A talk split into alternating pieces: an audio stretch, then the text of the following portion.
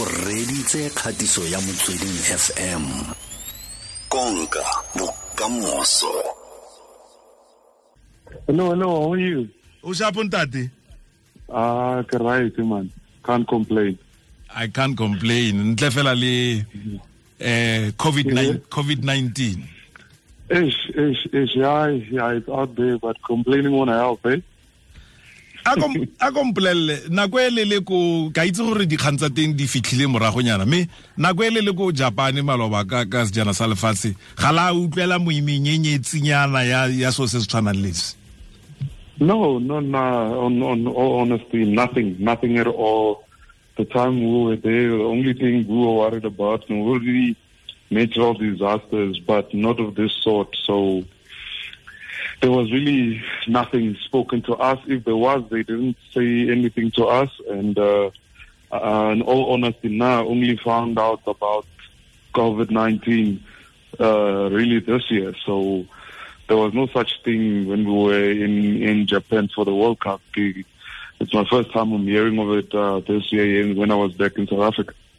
Ya ke gopola sentle fa re le ba kwa metshamekong ya sejana sa lefatshe eh selo se ne re se lebeletse ne le maemo a bosa eh jalo dipula ditsuatsue mo go le tse ding how was the weather all in all eh, in japan and eh, eh, around all the towns that you visited Yeah, it was. It was. Uh, Japan is very hot. Uh, people think that uh, yeah, in South Africa is hot, but eh, it's nothing compared to Japan. Japan gets uh, gets really hot. Um, and very humid. At uh, I think at times we we trained at 30, 38 degrees to 40 degrees, and yeah. humidity humidity was close to 80 90 percent. So it made it a whole lot of it made it a whole lot difficult for us as a team to train. But uh, fortunately for us yes we're from south africa. We we're a bit used to the sun a bit more than i think the other nations like your wales your france your england but uh, it was it was very hot but uh, Japan is is also weird, and then when it gets cold, it gets very cold. So it was a bit of mix here and there, Mara. It was most of the times it was just unbearably hot. So that's that's what it was. I would say when you're in South Africa, you feel hot, you feel the sun burning you. There, it's the humidity. Even when you get out of an airport or get out of a hotel, Ankara is like a breeze, but this breeze is not cooling; it's just hot. So it was very humid and very hot, which very hot, which made it a, a whole lot difficult to to even to even train because the ball is slippery and uh, you couldn't train properly. And when there was a bit of wind as well, it makes it a whole lot difficult for rugby players to be able to be productive on a rugby field. But uh, and with that being said, I thought everyone feels the same. It's raining for everyone. It's hot for everyone. It's humid for everyone. So you just have to get on with it. So, uh, so what kind of decisions did you take with, especially with the technical team, uh, preparing for the games? Because you didn't know whether it, it was going to be hot or whether it was it was going to rain or whatever. Yeah, it was funny enough. Uh, obviously, we, we, we go and play there with Super Rugby. So we, there's a team called the Sunwolf that's uh, based that side. So we we we we figured that it is going to be it is going to be very hot and humid. So while we were doing all the preparations here in South Africa, Coach Rassie was very strategic at times where he would he would uh, while we were on the field training he would have a bucket on the side and he put soap in the in water and then he dips the ball there just to simulate the the slipperiness of the ball Yeah. because that's how it was going to be. So mm. he would put it in in in, in liquid soap mm. and then give it to us to to train. And it was it was make it made it difficult. Every time you kick a ball out they give you a new one that's uh from that soap water. And it mm. it made it difficult for us to train. But uh with that being said you get used to it. So we knew that if we got there rain you get rain anyway in south africa as well. But we got used to handling that slippery, very slippery ball, and uh, we got used to training because the the whole camp was actually in Pretoria, which we know it's Highveld uh, altitude uh, makes it difficult to breathe when you when you're a sportsman. So he made the camp here knowing that day it's going to be very humid and hot. So, and here it was hot at the time. So we got used to the heat, mm. and uh, with the slip with the soap balls that he put in the bucket, we got used to to handling mm. uh, a rugby ball that's very slippery. We we we got more acquainted with it, and we started understanding that that this is what we're going to need when we're in Japan, and this is how the weather is going to be, and this is how the ball is going to be. Mm. So to some extent, we started getting we started getting used to it before the World Cup started. But with you, you can't talk about uh, the hot weather, especially your the place. Your place of birth is Bush, Bushbuckridge, and you also stayed in Tzaneen. Yes, yes. Uh, Bushbuckridge is also you, you met, but uh, it's not too bad. Mm. but uh, yeah, as you say, the, the, the heat is very is very it's very much it's very much proper. There, it's real, mm. and obviously in Tzaneen in the Popo as well. That's where that's where I went to school. It was.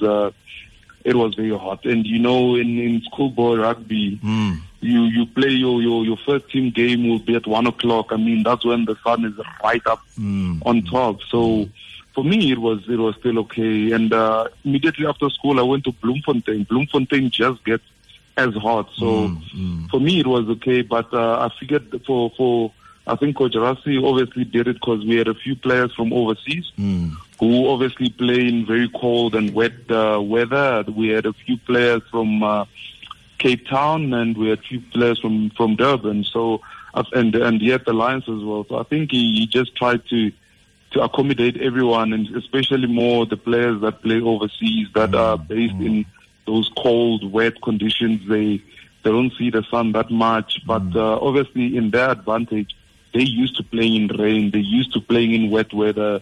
They they used to those conditions. Mm. So I guess with that being said, helping them with the heat and all of that, while we used to the heat, he also helped us who play here in South Africa in Super Rugby about playing in wet conditions mm. and playing mm. with wet balls. So I think with that he killed um, he killed uh, uh, two birds with one stone. Mm, mm.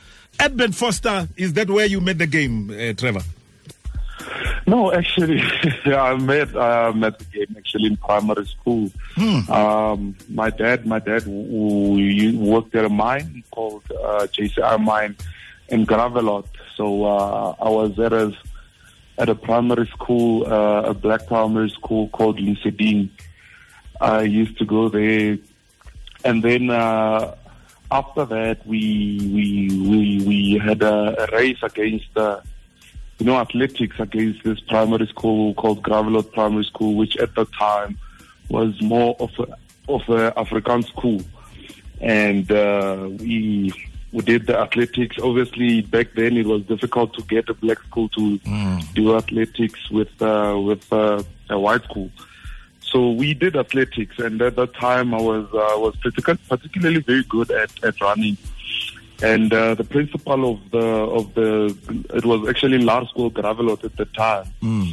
Asked, asked my parents for me to go to Laerskool Gravelotte, and obviously my dad working at a mine, it was very expensive. Uh, so uh, they offered to help, and uh, so my my parents eventually agreed, and I, I went to the school. But uh, obviously, when I got to the school, I continued with athletics and uh, the the principal asked me one day he was sitting at his office but he could see on the field mm. through his office at break time we're playing games and then he started he asked me if I could play rugby and obviously as a black kid from uh, Kasi location I was mm. thinking there is no way. So now if there's sport that I'm gonna play is soccer. Ah, were you able to play? Were you not were you not a big boy then uh, well, no, I was I was still small. Okay. I was still very right. small mm, then, mm, and uh, as I was a, I was an athlete, so I was small. So I, Kukasi, everything is about soccer. We played soccer in the streets. We played soccer everywhere.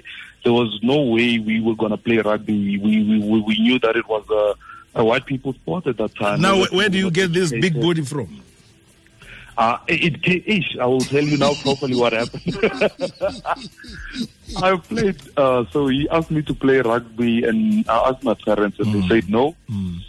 Obviously black parents at that time didn't, didn't think that was a thing for us. And, uh, he, he actually begged my parents and, uh, my mom told him that if, if, if you want, if you want him to play, he can play, but if he breaks a bone or gets injured, he stays at your house. And the principal said, okay. Yeah. We can arrange that. Then from there on, that's where I got introduced to the to the game. And uh, to say, my first year, I think I was I was 11, and I played I played under I played under 13 in the first team of the primary school. On my first year of playing, and uh, that was actually the first time. At uh, when I was 12 years old, I I played. At that time, it was called Noordelike Provincie. It was still then. I played. I managed to make the Limpopo colors at the age of 12 for under Yeah, 13. yeah, yeah. So that's when he told my friends that he, okay, your, your boy is actually good at this sport. Maybe you should just just give him a chance at it. And Where were you? Where were you playing? we'll-" Where were you playing in the field? In in Gravelotte. No, the, the position.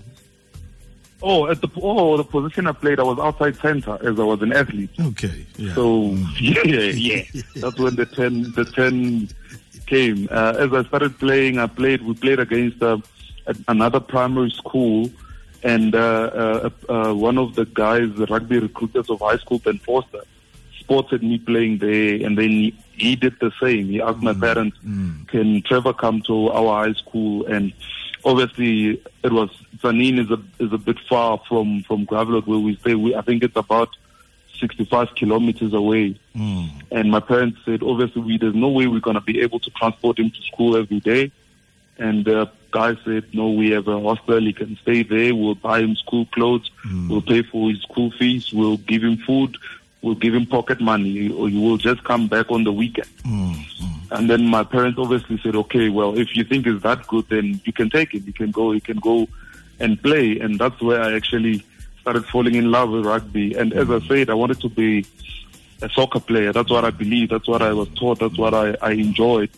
But uh, somehow, some way, I think maybe the hostel food was too nice. and uh,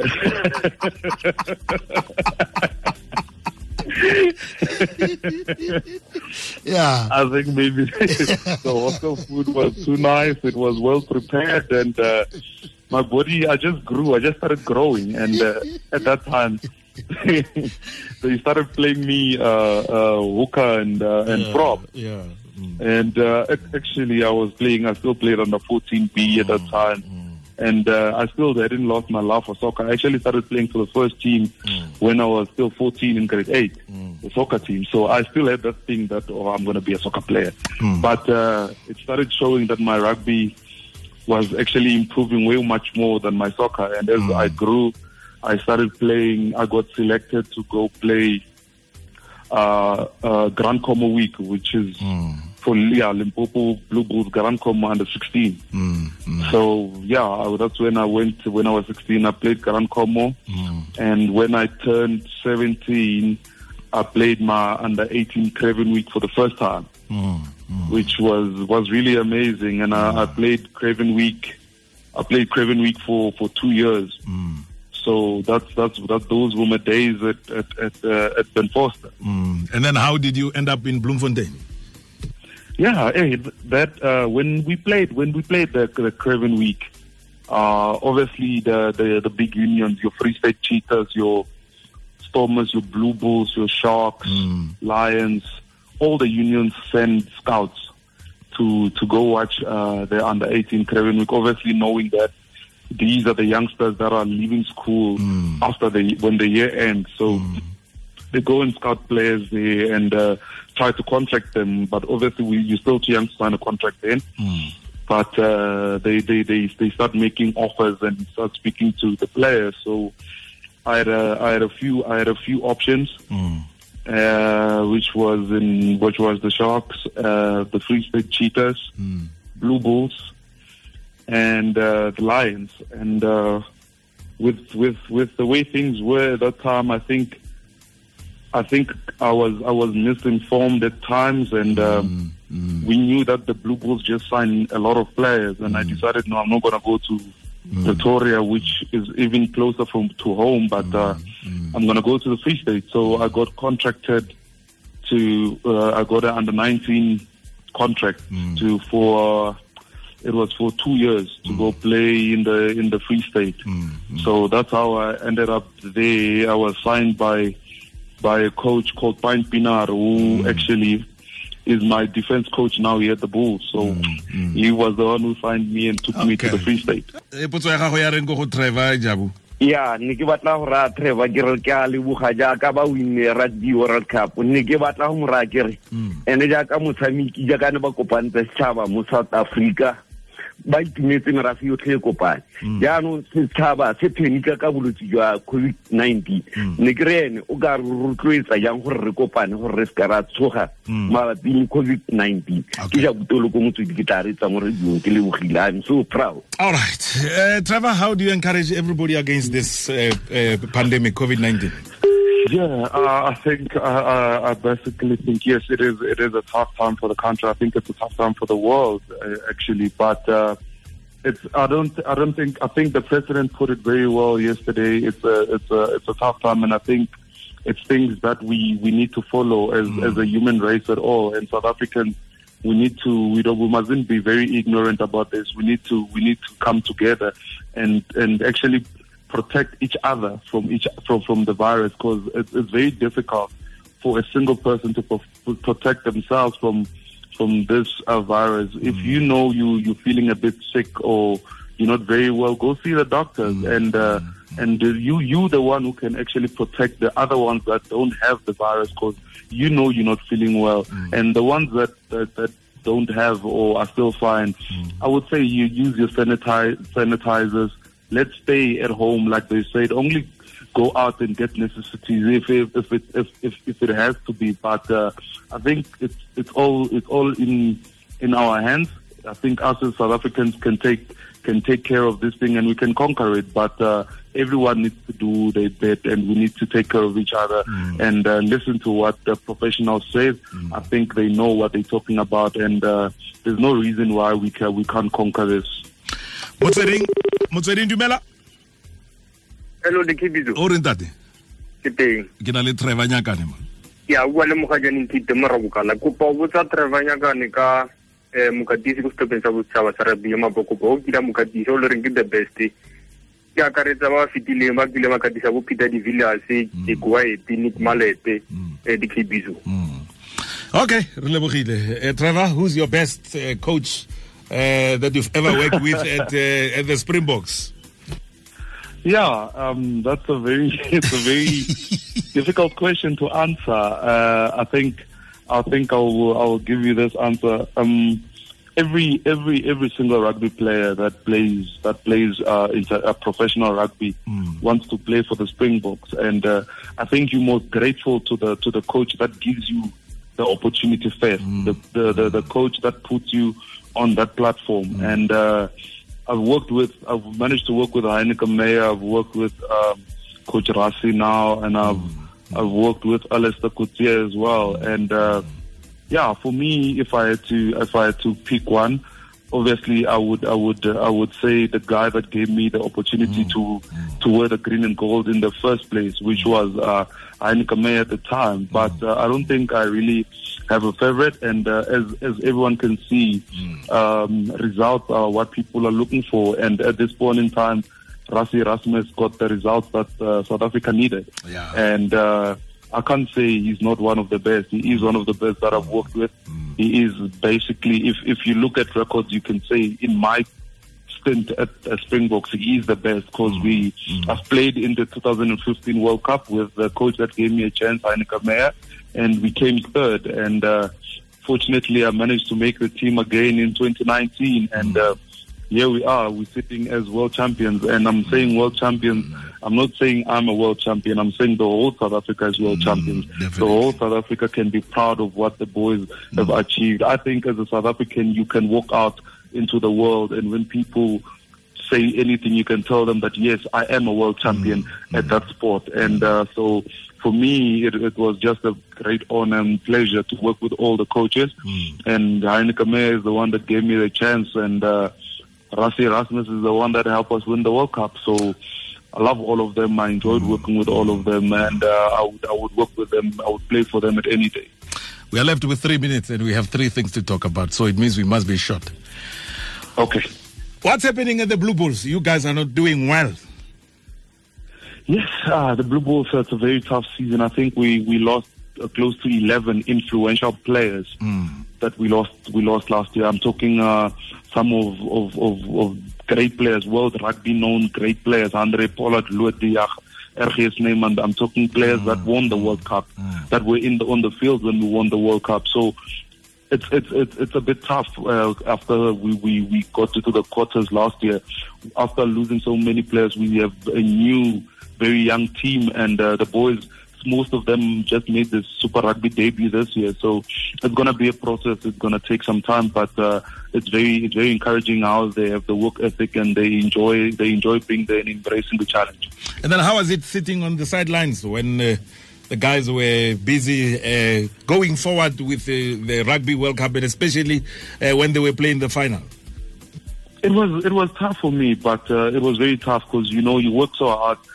For it takes four years before World Cup come. You work so hard to be in the mix in the team, and uh, you you sacrifice so much. You sacrifice family time. You sacrifice everything that you have just to be able to make it to to that tournament. And once you make it to that tournament, that's where you want to be. You need to you know that you need to sacrifice even more just to be in the team. And when I got the injury, it was a bit sad, but. Uh, the way they handled things, they kept me in the loop of things. I spoke to the players, I spoke to the coaches at times, so I always felt involved and uh, as part of the bigger picture. So uh, it was sad for me to sit on the sideline, but uh, I have no complaints. The boys did a great job, and uh, I couldn't have done a better job. So it was a blessing in disguise. It was awesome. I enjoyed watching them, and uh, I learned more from them as well. And then you are the captain, right, of the Blue Bulls? Yeah, I'm actually the vice captain, but uh, our captain is injured now. So yeah, Yeah, I'm- yeah, I'm the yeah. captain now. Is it something that you, you ever dreamt of? To be honest, I've, I'm, I'm, uh, I've, it wasn't, it wasn't something that uh, was in my, in my, in my thoughts. I'm, I'm more of a team player. More I enjoy running around with the players, having a good time with the players. Where sometimes, as captain, you need to put your foot down. Um, so it wasn't a thing for me. But uh, when, when, as time comes and you grow. And you grow and you start understanding the sport and you un- understand people that you play with and how to work with them.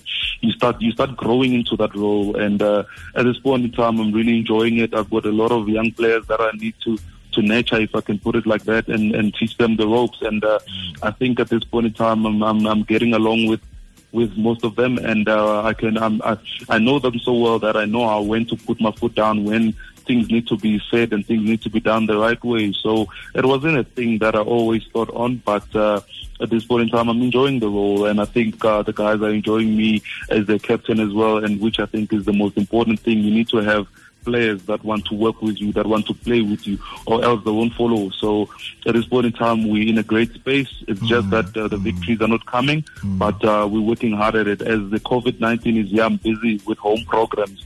It's not that easy, but I'm training in the house and uh, I'm enjoying it. I get to spend time with my daughters, so it's, it's amazing.